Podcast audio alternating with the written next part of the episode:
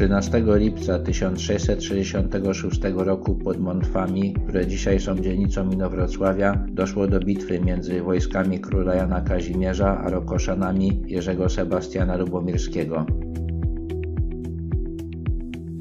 Król Jan Kazimierz dążył do reformy państwa poprzez ograniczenie możliwości stosowania liberum veto, uszczuplenie uprawnień hetmanów i wprowadzenie elekcji vivente rege, czyli wybierania następcy króla za jego życia. W roku 1664 oskarżono niechętnego tym zmianom hetmana lubomirskiego o spiskowanie przeciwko królowi i podburzanie wojska do buntu. Proces przeciwko Lubomirskiemu toczył się przed Senatem i był w oczywisty sposób stronniczy, a oskarżenia najprawdopodobniej fałszywe.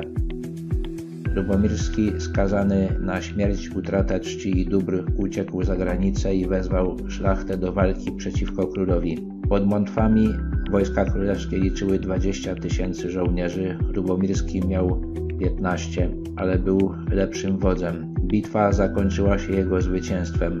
Zginęło około 200 zwolenników Lubomirskiego i prawie 4000 żołnierzy królewskich. Większość z nich zginęła po bitwie, wymordowano bowiem jeńców. Byli to najlepsi żołnierze, weterani walk z kozakami i Szwedami.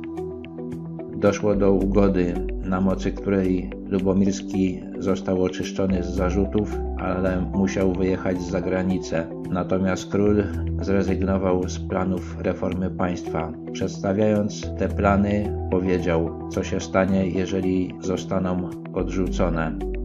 Moskwa i Ruś odwołają się do ludów jednego z nimi języka i Litwę dla siebie przeznaczą. Granice Wielkopolski staną otworem dla Brandenburczyka, a przypuszczać należy, iż ten o całe Prusy starać się zechce. Wreszcie dom austriacki, spoglądając łakomie na Kraków, nie opuści dogodnej dla siebie sposobności i przy powszechnym rozrywaniu państwa nie wstrzyma się od zaboru.